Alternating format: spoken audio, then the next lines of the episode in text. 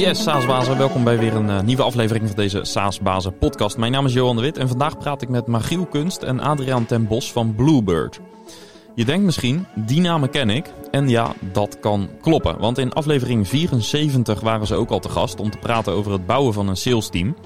En vanwege de positieve reacties op dat gesprek en de vele vragen die wij krijgen over het onderwerp sales en in het bijzonder het aannemen van salesmensen, zijn ze terug. Dus uh, toen nog onder de naam No Cure, No Pay. En inmiddels heten ze Bluebird en doen ze recruitment voor SaaS-bedrijven in de functie sales, marketing en customer succes in alle levels en door heel Europa. Toch praten we dit keer niet over hun bedrijf, maar over de typische uitdaging die je als SaaS-baas tegenkomt op het gebied van sales. Ze praten over een uh, rol waar ik nog nooit van gehoord had. Over veelgemaakte fouten op het gebied van sales, uh, als je organisatie groeit ook. En ze leggen ook uit hoe je als uh, klein SaaS-bedrijf het voor elkaar kunt krijgen om uh, talent aan te trekken. We praten ook over benchmarks en uh, nou, eigenlijk alles wat met SaaS-sales te maken heeft. Maar eerst een dankje aan onze sponsor Leadinfo, want daarmee zie je precies welke bedrijven jouw website bezoeken. Dat zie je real-time, maar uiteraard ook een, een historisch overzicht. En met de integraties met de CRM-systemen wordt het makkelijker voor jouw marketing- en sales team om ja, leads op te volgen. Ik uh, gebruik het zelf ook naar alle tevredenheid. Zowel voor uh, SaaS-bazen als bij Playbookify, mijn start-up. En als je dat ook wil, ga naar leadinfo.com slash SaaSbazen. En dan gaan we nu naar het gesprek met Magiel en Adriaan. En ja, zoals goede duo's dat doen... Adriaan en Magiel begonnen met wat bemoedigende woorden voor elkaar. Hoor maar. We're gonna fuck this up YouTube. Break a leg. Oké, okay, de eerste video hebben we al. ja, alright heren. Welkom uh, terug in de Saasbazen podcast. Dankjewel. Dank. Um, aflevering 74. Uh, daar waren jullie ook te gast. Dat is inmiddels uh, zo'n twee jaar geleden. Um, toen nog onder de naam No Cure, No Pay. ja, mijn eerste vraag zou zijn, hoe staat het ervoor met jullie bedrijf? Goed. Ja. Goed, ja, we hebben een mooie twee jaar achter de rug. Er is een hoop veranderd. Uh, daar ben jij aardig goed van op de hoogte. Maar wij zijn ondertussen... vorig jaar was een bijzonder jaar. Ik denk dat we... We hit the nail on the head met wat een SaaS-persoon een goede recruiter maakt. En we zijn van 5 naar 13 man gegroeid. Geen attrition, dus iedereen is er nog. Een stukje practice what you preach uh, als het over recruitment gaat. En we hebben ondertussen ook mensen aangenomen met een marketing- en customer success achtergrond. Wat inhoudt dat we momenteel sales, marketing en customer success doen. Van junior tot aan senior. We hebben een kantoor geopend in Londen. En we heten Bluebird. ja, daar is die. Ja. ja, vertel eens wat over Bluebird, Adriaan. Ja, nou, het is nog steeds op No Cure No Pay basis, maar we heten wel Bluebird. we hebben een rebrand uh, doorgevoerd om um, toch iets meer nou ja, ik zou willen zeggen, nou, laat het dan toch maar professionaliteit noemen. No Pay was een, een goede naam om in een toch wel verzadigde markt binnen te komen. Ja, jullie hebben wel even de aandacht ermee getrokken. Ja, en ja. wat dat betreft heeft de naam fantastisch gewerkt. Um, maar inmiddels hebben we klanten over de hele wereld, waar in Nederland misschien No Cure No Pay een bekende term is. Ja, daar zijn ze in andere landen wat minder bekend mee. Um, dus Bluebird past bij hoe we er nu voor staan. Ja, cool. Um, nou ja, voor die wie de aflevering uh, destijds niet geluisterd heeft, is uh, misschien goed. Daar uh, vertellen jullie ook veel meer over de gedachten erachter. En ook jullie route naar No Cure No Pay destijds. Dat vond ik ook bijzonder interessant om te horen. Um, maar voor vandaag gaan we een aantal dingen bespreken. En ons doel is om het SaaS-founders wat makkelijker te maken om een sales team samen te stellen. En, en, en ook nou ja, up to speed te krijgen. Um, en ik zou eigenlijk willen beginnen met de, de, de eerste vraag. En, en, en dat heeft alles te maken met het aannemen van je eerste sales rep. Um, ik krijg heel vaak van SaaS-founders te horen die misschien zelf geen sales-achtergrond hebben, dat het nogal een uitdaging is. Heel vaak zeggen ze, ja, ik heb al zoveel salesmensen aangenomen, maar steeds gaat het niet goed. Want ze verkopen zichzelf zo geweldig. En ik weet niet goed hoe ik daar uh, mee om moet gaan. Dus daar begint dat heel vaak. Maar ik heb daar geen perfect antwoord voor. Dus. Uh... ja, kijk, misschien een perfect antwoord op die vraag uh, is lastig. Ik denk dat het belangrijk is om. Ik herken het wel. Hè. Wij horen ook van, van early stage founders. Ja, hij heeft zichzelf zo goed verkocht. En uiteindelijk is het, blijkt het allemaal niet waar te zijn. Ja. Um, wat je kunt doen, is dat goed echt kwalificeren door sterke hoe-vragen te stellen. Maar let ook op, als iemand zichzelf heel charmant presenteert, dan is hij zichzelf aan het verkopen. Terwijl een goede salespersoon ook voor zichzelf die opportunity echt probeert te kwalificeren. Dus niet een verhaal houden om te vertellen waarom hij zo goed is, maar scherpe vragen aan jou te stellen over jouw business. Hij gaat er uiteindelijk ook werken. En dus kwalificeert hij voor zichzelf goed of de opportunity geschikt is voor hem. Nou, als dat zo is, dan uh, is dat een groene vlag. Ja. Als iemand alleen maar zichzelf aan het verkopen is, nou, dan is dat inderdaad een, een rode vlag. Ja, en, en wat uh, kun je zeggen over die hoe-vragen? Dan kan je denken aan hoe doorloop je een salesproces. Als je aan het einde van een salesproces komt en een prospect vraagt om discount, hoe ga je daarmee om? Het verschil hoe een goede salespersoon op zulke soort vragen antwoordt ten opzichte van een salespersoon die niet zo goed is, is, is overduidelijk. Hm. Als je niet weet wat de antwoorden erop moeten zijn, dan kunnen wij daar wat meer informatie over geven. Maar die richting moet je het een beetje opzoeken. Ja, in principe is het antwoord natuurlijk gewoon met een goede tussenpersoon werken. En dan Ja. heb je dit probleem sowieso. niet. Ja, precies. Ja. Nou, dat lijkt me sowieso goed. Eh, maar in, in, in die zin is dus een van de sleutels, eh, li- zit dus bij de vragen. Dus jij stelt als founder hele specifieke vragen. En dat is dus de hoe-vragen met name om uit te vinden of die kennis er echt is. En, en ook wel eh, wellicht eh, zelfs wat praktijkvoorbeelden. Ja. Ehm, en eh, kwalificeert iemand eh, eh, dus ook door vragen te stellen. Zit zo iemand zelf ook in een Ja. eh, goed salesproces? ja. Alright. Ehm, ja, dan is eigenlijk de, de volgende vraag, denk ik. eh, dus dus eh, als je dan je eerste sales rep gaat aannemen, ehm, hoe pak je dat aan? Eh, wat voor eh, rol kies je voor? Ehm, wat, wat is jullie advies? Ja, het is een, het is een vraag waar niet een eh, heel kort antwoord op is. Eh, maar ik denk een stukje social proof. We hebben ondertussen meer dan 50 startups geholpen met het aannemen van de eerste sales hire. En er is een groot verschil tussen de eerste sales hire of de tiende sales hire. Eh, du- dus ik ga er iets langer antwoord op geven. En ik, uiteindelijk geef ik een heel duidelijk antwoord op de vraag die je hebt. Maar ik denk dat het begint met je moet heel veel testen zodra je je eigen organisatie hebt opgericht. En dat begint met het testen van je product market fit. Eh, bij de eerste successen, dus zodra je je eerste klant hebt opgetekend of je krijgt goede respons vanuit de markt, begin je die strategie beetje bij beetje aan te scherpen, hier en daar aan te passen. En zodra je je eerste paar klanten hebt opgetekend, dat is echt een goudmijn. Dat is een mogelijkheid om eh, te begrijpen van waarom zijn zij klant geworden, wie zijn de klanten, uit welke industrie komen ze en hoe krijgen we er meer.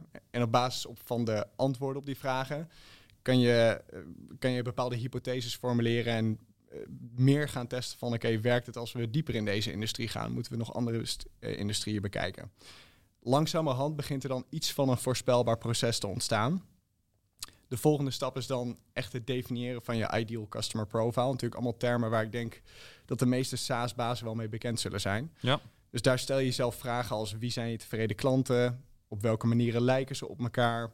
Hoe kwalificeren of een lead wel of niet in dat bakje past? Als je dit heel concreet maakt en je maakt een vrij specifieke lijst, de- des specifieker des te beter, want als founder heb je niet oneindig veel tijd. Dus je wil ervoor zorgen dat je ook eh, met de juiste persoon contact opneemt. En vervolgens begin je tests te draaien op die ICP door proactief contact op te nemen via LinkedIn, via belletjes, kijken welke media het beste werken. Als het lukt om meetings in te plannen, nou, dan begint het duidelijk te worden hoe we leads kunnen toevoegen aan de funnel. En zodra we ook langzamerhand beginnen te zien van oké, eh, op basis van een bepaald percentage halen we die eh, partijen ook daadwerkelijk binnen en ze worden klant, dan begint er echt een salesproces zich te vormen. Een vrij lange intro om uiteindelijk eh, een duidelijk antwoord te geven. Ik voel dat we ergens naartoe gaan. ja, ja, ja, we gaan ergens naartoe. Het komt eraan. We schrikken wakker. Wij raden in eerste instantie aan om een Pioneer Account Executive aan te nemen. Dat is een term die komt van Seth de Hart. Dat is een goede vriend van mij, die is adviseur bij Point9 Capital. We hebben iets van 20 startups van Point9 Capital geholpen met de eerste salespersoon aannemen. En dat is niet zomaar een salespersoon. Dat is iemand met een unieke mix van sales skills, ambitie, werkethiek en ondernemerschap. Ehm, ik ben zelf ooit Pioneer EI geworden, 12 jaar geleden. Adriaan die is Pioneer EI geweest bij een organisatie. En die persoon doet alles op salesvlak. Dus van prospecting tot het bouwen van het SDR playbook, het managen en het closen van deals. En die persoon heeft eigenlijk altijd start-up ervaring. Eh, en normaal gesproken zijn ze zowel SDR als EI geweest. Die combinatie is wat mij betreft heel erg belangrijk En waarom is dat belangrijk? Omdat als eh, iemand geen SDR-ervaring heeft gehad, is het de vraag of ze echt excellent zijn in het eh, binnenkomen bij potentiële nieuwe bedrijven.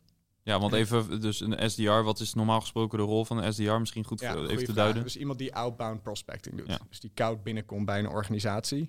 dat is natuurlijk kritisch voor een start-up. Ja. En je wil ook niet iemand die zes tot twaalf maanden EI is geweest, omdat dan, dan hebben ze nog niet genoeg ervaring om echt de finesse te hebben in sales. En als founder wil je echt kunnen testen waar ligt het limiet nou. De eerste sales hire moet idealiter ook een van de beste sales hires zijn die je doet, want dan weet je ook wat kan je daadwerkelijk uit de markt halen als je de juiste persoon er hebt zitten. En dat, dat pioneer, dat heeft alles te maken, denk ik, ook met het eh, ondernemende, de ondernemende eigenschap Zeker. die erin zit. Ja. Ja. Hoe assess je dat?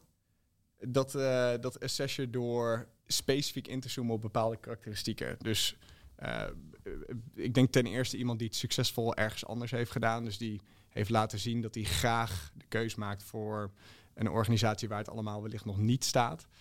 Ehm, iemand die achter de missie staat. Dus niet iemand die voornamelijk geldgedreven in zo'n rol stapt. Eh, en, en dat zal altijd een driver zijn, maar niet voornamelijk geldgedreven. Dus toen ik bij eh, Enable Technologies ging werken, stond ik echt achter de missie om die IT-industrie op de kop te zetten. Die passie en energie heb je wel nodig. Dus ik denk dat dat twee heel belangrijke componenten zijn. En ehm, ja, uiteindelijk, je, je bent een kleine start-up, hè, want daarom is het je eerste salespersoon. Misschien dat we het hier later nog een beetje over gaan hebben. Maar ehm, hoe zorg je ervoor dat je dit soort mensen überhaupt aan boord krijgt, überhaupt aan tafel krijgt, ehm, op het moment dat je misschien nog niet superveel te bieden hebt?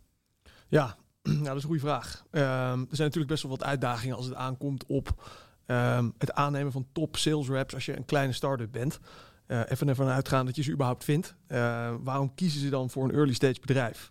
Eh, wat kun je in de strijd gooien als start-up om die mensen dan binnen te halen? Ja, tegen enorme budgetten van je concurrentie. Ja, onder andere. Onder Ja. andere nou, een van de dingen die wij toch het meest zien, het is, het is echt wel een beetje een cliché, maar de mensen. Hè? People join people. Voor kandidaten in processen, we zien het op dagelijkse basis. Ehm, belangrijkste reden om bij een bedrijf te gaan werken is het, team waar ze bij, eh, waar zich bij gaan aansluiten. En vaak bij een kleine start-up hebben ze dan ook de kans om heel nauw samen te werken met de oprichters. ehm, met misschien een zware executive die er al zit als het ietsje meer late stage is. Ehm, misschien kunnen ze een keer met investeerders praten, hebben ze daar wat exposure. En op die manier echt van dichtbij meemaken hoe je een bedrijf bouwt. Dat wordt gezien als een hele waardevolle ervaring. En dat kan zeker iets zijn om in de strijd te gooien om die mensen binnen te halen. Ehm, een andere hele belangrijke reden is, ja, is toch de grote verantwoordelijkheid. En ook daar, de daarbij behorende learning curve. Ehm, maar geef ze die verantwoordelijkheid dan ook. Bij een groot bedrijf kun je echt achteraan aansluiten in de corporate eh, promotietrein. Maar bij een klein bedrijf krijg je vaak snel veel verantwoordelijkheid. Kun je ook snel stappen maken als je succesvol bent. Zowel Magiel als ik, eh, eh, zoals Magiel net al aangaf, zijn ooit early stage hire bij een start-up geweest. Die vervolgens best snel groeide. Daardoor hadden we ook heel snel een managementfunctie. Dat was ons niet gelukt bij Oracle. Dus dat is natuurlijk wel een voordeel dat je hebt bij een, eh, bij een klein bedrijf. Ja. Ehm, ook financiële upside. En dat lijkt misschien gek, omdat start-ups niet eh, de, de corporate salarissen kunnen betalen. Het is geen geheim dat salesmensen toch vaak wel getriggerd worden door, eh, door geld. Ehm, maar er zijn andere manieren om dat te doen dan basissalaris. Ehm startups bieden natuurlijk vaak opties voor aandelen, winstdeling, die echt een grote upside kunnen bieden. En nou, kleinere bedrijven hebben vaak ook meer flexibiliteit in hun bonusstructuur dan grotere, meer gevestigde bedrijven. Dus ergens echt vroeg instappen met een mooi pakket stock options, om dan keihard te werken om daar bij een eventuele exit heel veel over te houden, eh, is heel interessant. Ehm, nou, echt impact hebben is natuurlijk ook belangrijk. Als jij in een, in een start-up eh, een deal van 50k cloost, dat voelt anders dan dat je dat bij een bedrijf doet waar 800 miljoen ARR tegen de plinten ketst. Ja. Ehm, ja, en de omgeving. Ook dit is een onwijs cliché, maar eh, iedere provinciale uitvaartverzekeraar heeft tegenwoordig een dynamische werkomgeving. Ehm, maar veel sales reps zijn wel aangetrokken tot de energie en de opwinding en het tempo van een start-up. En daar kunnen grote corporates niet mee concurreren. Ja. En is, is, dit zijn dus ook de dingen die je zou moeten highlighten als je als kleine start-up dit soort talenten zoekt. Absoluut, Ja. absoluut. En als die mensen daardoor niet getriggerd worden, dan moet je afvragen of je met de juiste persoon aan het kletsen bent. Ja. ja, dus eigenlijk dit moet de aantrekkingskracht zijn naar de juiste mensen. Ja. ja, ja. Eh, nog heel even terug naar die rol van eh, eh, ja, pionier, zeg maar. Als je, als je zo iemand in je, in je team hebt. Hoe werk je daar als founder mee samen? Want als founder zit je zelf vaak nog bij de sales trajecten. Uh, je zal soms misschien ook echt bij het sales traject nog aanwezig moeten zijn of mee moeten draaien. Um, hoe stuur je zo iemand aan? Uh, waar liggen de verantwoordelijkheden precies? Hoe, ziet dat er een beetje uit? Ja, uitstekende vraag. Uh, zodra die, zodra zo'n Pioneer AI start, wil je eigenlijk in eerste instantie ervan uitgaan dat je als founder succesvol een paar klanten opgetekend hebt en in ieder geval iets van een commerciële instelling hebt. Wil je het liefst dat die opportunities voor je gaat creëren door outbound prospecten via LinkedIn, mail, bellen en dergelijke. Dus in eerste instantie doet hij voornamelijk SDR-werkzaamheden. Vervolgens doet hij mee in het hele salesproces en luistert die de meeste Pioneer AI's kunnen ook direct vanaf het begin gelijk waarde toevoegen uh, in dat salesproces. En tijdens die periode leren ze alle ins en outs uh, op basis van de lessen die je haalt uit het uh, volgen van die salesprocessen. En, en hoe ver moet je salesproces al echt uitgekristalliseerd zijn? Want je noemde net een paar randvoorwaarden. wat je zelf lange introductie noemde. Vond ik ja. meevallen trouwens. Maar daarin noemde je al een aantal van die randvoorwaarden. Dus je ICP goed kennen. Toch wel snappen hoe je salesproces in elkaar zit. Maar uiteindelijk wil je dat na die pionier... dat, daar, dat het team gaat, uitgebreid gaat worden. Um, maar dan zal je wel iets van een sales playbook nodig hebben. Of in ieder geval iets van een, een gedocumenteerd proces. Ja. Wel, wat is de rol van die persoon daarin? Doe je dat als founder? Doe je dat samen? Moet zo iemand daarin leiderschap tonen? Of... Ja, het is een goede vraag. Ik... Um, in principe hoeft er niet heel veel te staan, maar idealiter wil je dat er een paar succesvolle klanten opgetekend zijn, zodat er iets van proof is dat er daadwerkelijk een product market fit is. Als de juiste tooling er nog niet is, moet er in ieder geval een bereidheid zijn om de juiste tooling aan te schaffen op het vlak van CRM en outreach tooling. Um, en, en ik denk dat het belangrijk is om uh, te over, je te laten adviseren door iemand, daar kunnen wij ook bij helpen. Om in ieder geval voor te zorgen dat er iets van een target staat. Mm. Zodat je ook daadwerkelijk uh, commissie kan betalen naar gelang wat iemand binnenhaalt. Ik denk dat dat belangrijk is. Salesproces niet per se, want ik denk dat founders verkopen altijd op een andere manier dan dat een salespersoon dat uiteindelijk zal doen. Uh, en, en een Pioneer AI, als het goed is, begrijpt hij het salesproces heel erg goed en kan hij dat zelf implementeren. Ja. Uh, ik wil een uh, klein sprongetje maken in de... de... maar geef hem, als ik daar ja. iets over mag zeggen, ja, zeker. geef die persoon ook wel de ruimte. Hm. want een van de dingen die ik net aangaf, eh, aantrekkelijk om bij een start-up te gaan werken, is omdat je die impact kunt maken, die brede verantwoordelijkheid hebt. Als het goed is, neem je inderdaad een sales pioneer aan die ja, niet helemaal green is, maar die dit allemaal een keer gedaan heeft. Als je hem dat vertrouwen geeft, geef hem dan ook echt die ruimte. Ja. we horen ook wel eens dat, het, dat iemand dan toch weer weg wil, omdat hij zegt, ja, ik ben aangenomen om weet ik veel, het salesproces te, uh, proces te professionaliseren of om het te verschalen. Maar uiteindelijk krijg ik niet echt de ruimte en die founder die weet het toch beter. Ja. ja dat gaat mis en dan wordt het best een dure grap allemaal. Ja, ja je neemt geen ondernemend iemand aan om uh, vervolgens uh, te om gaan, te gaan micromanagen. Precies, ja. Ja, ja, ja, goed punt. Um, dan het sprongetje naar een fase verder, waarin je dus, uh, je hebt dat allemaal achter de rug, dat loopt, het salesproces staat en, en, en je wil gaan opschalen. Um, wat zijn nou de, de veelgemaakte, ja, klinkt een beetje negatief misschien, maar veelgemaakte fouten bij het uh, bouwen van een sales team? Nou, niet met een goede recruiter werken. Ja, dat is een de belangrijkste fout is. Nou, daar heb jij trouwens in de vorige aflevering wel iets over gezegd. Voor de mensen die het niet gehoord hebben. Um, jij gaf daar ook aan wat je eigen ervaring was. Dat op het moment dat je dus uh, niet met een goede recruiter werkt, dat het in jullie geval, uh, in jouw geval back in the days ervoor zorgen dat je gewoon 15 keer zoveel gesprekken hebt. Ja, ja klopt. Ja.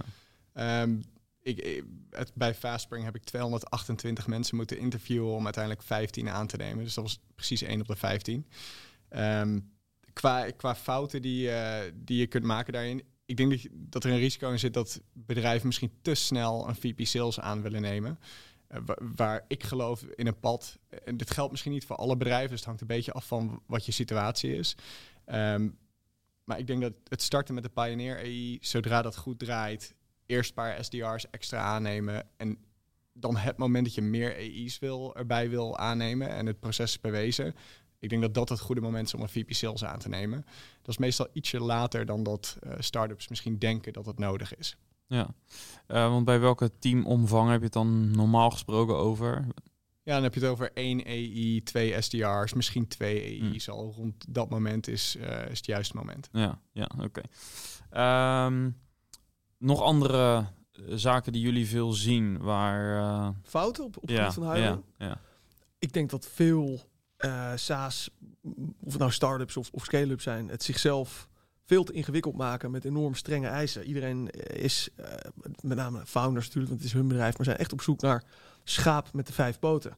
Iemand die ervaring heeft eh, in de branche, die ook start-up ervaring heeft, die mega succesvol was in zijn laatste rol, die heeft verkocht aan hetzelfde type buyer persona, die product al helemaal begrijpt, ervaring heeft hetzelfde deal sizes, bereid is zijn hele eigen pipe te vullen, eh, eh, die graag een pay-cut wil en die lid is van dezelfde voetbalclub, bij wijze van spreken Ja, ja, ja. ja, dan ben je heel erg lang aan het zoeken. Ja. Dus op een gegeven moment komt er dan, tenzij je dat niet erg vindt, omdat je prima negen maanden zonder sales hire kan. Op een gegeven moment wordt dat cruciaal, want als je geen salespersoon aanneemt, kan hij ook niet zijn target halen. Ja. Ehm, Als, als we even teruggaan naar de, de pionierrol, daar, dat is eigenlijk ook een beetje schaap met vijf poten. Maar daarvan interpreteer ik een beetje, daar is het oké. want daar moet je misschien ook zo kritisch zijn, omdat die echt, dat is misschien wel je belangrijkste sales hire die je gaat doen. Maar daarna zul je daar misschien juist iets minder kritisch in moeten zijn. dit is inderdaad een lastige vraag. Hier is niet een one-size-fits-all antwoord op. Mijn ehm, eerste reactie is wel dat ik ook denk dat voor die pioneer account executives je op bepaalde gebieden best een concessie kunt doen. Eh, natuurlijk is het fijn als je iemand vindt die echt, eh, echt alles, eh, ehm, alle hokjes afvinkt.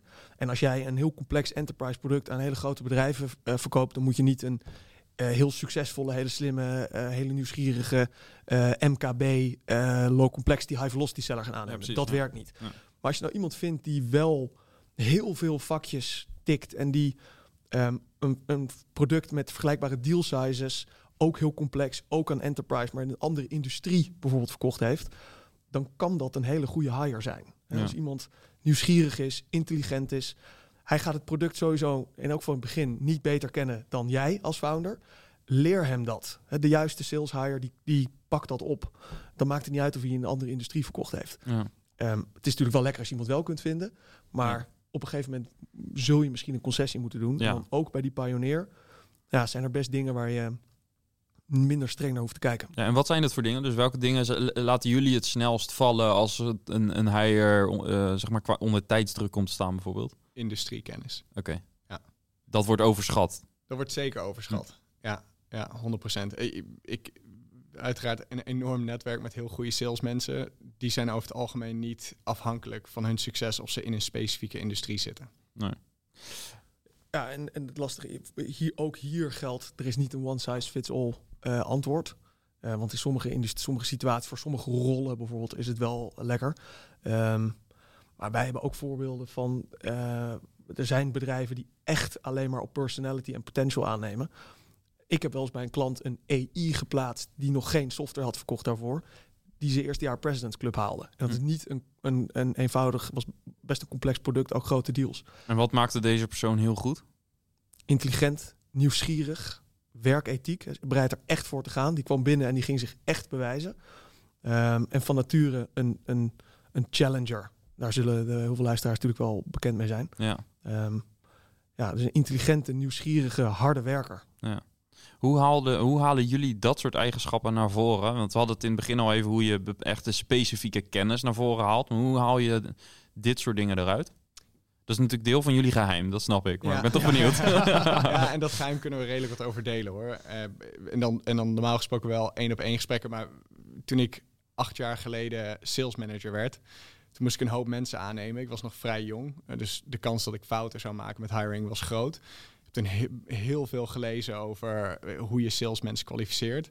En op basis daarvan heb ik een model uitgebouwd waarbij we eh, de belangrijkste karakteristieken op een rij hebben gezet. En ik heb per karakteristiek uitgebouwd hoe je dat test bij kandidaten. En dat ondertussen met letterlijk duizenden mensen zijn door die assessment heen gegaan.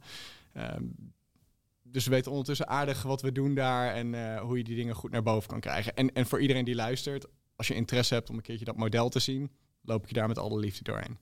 Die, eh, dat aanbod zou ik niet afslaan. Wat doe je nou? We hebben het al zo Ja. druk. Dit wordt uitgezonden. Goed. Ehm, ik zorg gewoon dat mensen jouw contactgegevens eh, kunnen vinden via de show notes. Dan moet jij maar even kijken hoe je dat gaat eh, managen. Helemaal goed. Zullen we het afspreken? Oké, goed zo. Ehm, zijn er nog andere dingen die, eh, die jullie vaak tegenkomen die beter zouden kunnen? Nou, ik denk wat, waar we het nog niet over hebben gehad, wat toch eh, voor veel start-ups ook belangrijk is, is de cultuur. Iemand kan op papier eh, al die hokjes afvinken. Wat nou als hij niet in je cultuur past? En wat is vanuit cultuurperspectief een, een slimme hire? Ehm, en ik denk dat, Magiel en ik hebben het er onlangs over gehad. Een fout die we ook wel zien is dat, dat mensen veel te rigide bezig zijn met het zoeken naar echt een culture fit. Ehm, mensen die precies dezelfde achtergrond, waarden en persoonlijkheid hebben als de rest van het team wat er al zit. Ehm, en dat is aan de ene kant wel begrijpelijk. Ehm, maar het kan ook beperkend werken. Door alleen maar naar mensen te zoeken die in het eerste gezicht helemaal in het team passen, kan je ook het risico lopen om talentvolle kandidaten te missen. Die misschien niet direct in dat profiel vallen, maar wel waardevol kunnen zijn voor het bedrijf. Ehm, dus misschien is het goed om af en toe te kijken naar een culture ad. Ehm, iemand die iets toevoegt. Eh, kandidaten die hun team versterken met nieuwe waarden en nieuwe perspectieven. Eh, als je namelijk echt focust op die culture ad, dan kun je een team bouwen dat nou, divers is en ook in staat is om ehm, bepaalde uitdagingen vanuit verschillende hoeken te benaderen. Eh, en het draagt, wat mij betreft, echt bij aan een sterke bedrijfscultuur. Het is wel belangrijk om natuurlijk naar kandidaten te zoeken die zich op hun gemak voelen in de bestaande omgeving. Ehm, en, en die ook wel in de huidige cultuur passen. Maar het hoeft niet alleen maar in dat nauwe straatje te zijn. Iemand kan ook een verrijking zijn door iets nieuws te brengen, zonder dat de cultuur schaadt of iets dergelijks. Ja, Ehm, heel interessant. Eh, en eh, met name het woord eh, ad, dat roept wat vragen op. Want je weet nu dus dat je iets wilt toevoegen. Dus dat het meteen, niet per se hetzelfde moet zijn, maar dat het complementair moet zijn, dat iets toevoegt. Hoe bepaal je wat je team nodig heeft als het gaat om eh, ja, eigenlijk de diversiteit eigenlijk? Sommige dingen zijn gewoon zichtbaar. Ik- wat, wat wij binnen onze organisatie proberen te doen, is dat we, eh, we kijken meer naar bepaalde principes en waarden. En eh, die kern is belangrijk. Dat willen we wel terugzien bij iedereen die we aannemen. Maar dat kan volgens wel inhouden dat mensen andere achtergronden hebben of andere eh, type mensen zijn, andere interesses hebben. En daar zien we dat heel waardevol is. En dat zien we niet alleen binnen onze eigen organisatie, maar dat zien we ook binnen de start-ups en scale-ups die we het meest succesvol zien zijn. Dat die ook veel diversiteit binnen de organisatie hebben. ja. Ja, ik denk een van de belangrijkste dingen waar wij op letten, om maar iets van ons eh, geheime sausje aan weg te geven, is authenticiteit. Twee mensen kunnen totaal verschillend zijn, maar je voelt het als ze authentiek zijn. En je voelt het ook als iemand niet authentiek is. Dat, nou, dat ruik je bijna als iemand op interview komt en die doet zich op een of andere manier anders voor. En dat wordt, stel je voor dat je hem dan aanneemt, dan wordt dat in de loop van de tijd alleen maar erger. Dus iemand kan totaal anders zijn, maar wat de gemene deler is, dat iedereen wel zichzelf is en authentiek is en authentiek bijdraagt aan de versterking van het geheel. Ja. Ehm, als het dan gaat over culture, dus dan, dan heb je het echt... Nou, eh, dit is een mooi voorbeeld, maar ik kan me ook voorstellen dat het te maken heeft met eh, verhouding man-vrouw. eh, misschien verhouding, er zijn voor, voor- en tegenstanders van DISC en dat soort profielen. Maar dat je niet alleen maar rode of blauwe mensen in je organisatie hebt, dat dat Ja. een goede mix is.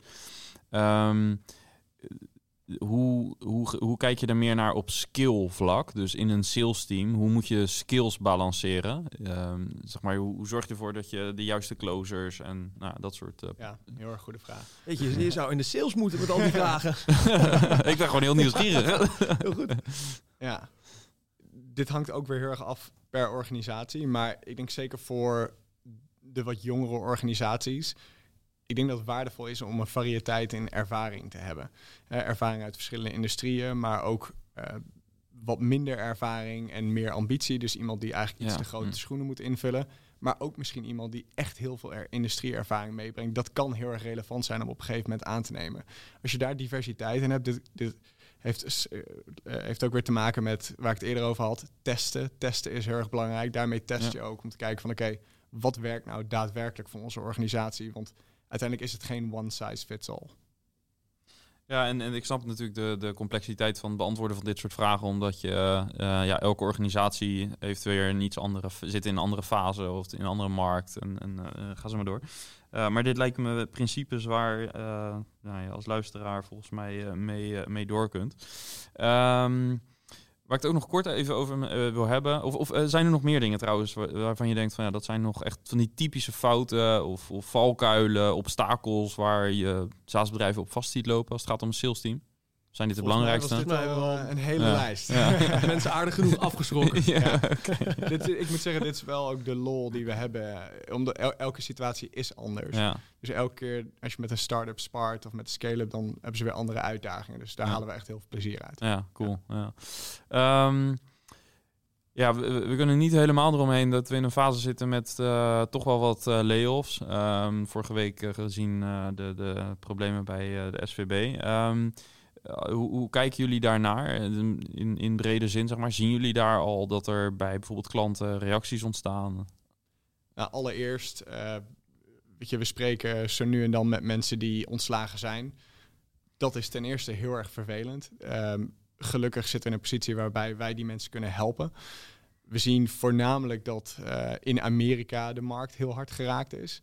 We zien momenteel in Europa dat eh, het wat zwaarder is, bijvoorbeeld in Engeland. Eh, maar in Duitsland en Nederland bijvoorbeeld zien we dat de impact nog minimaal is. Eh, Als even in brede zin bekijkt, met de uitzondering van natuurlijk een aantal organisaties.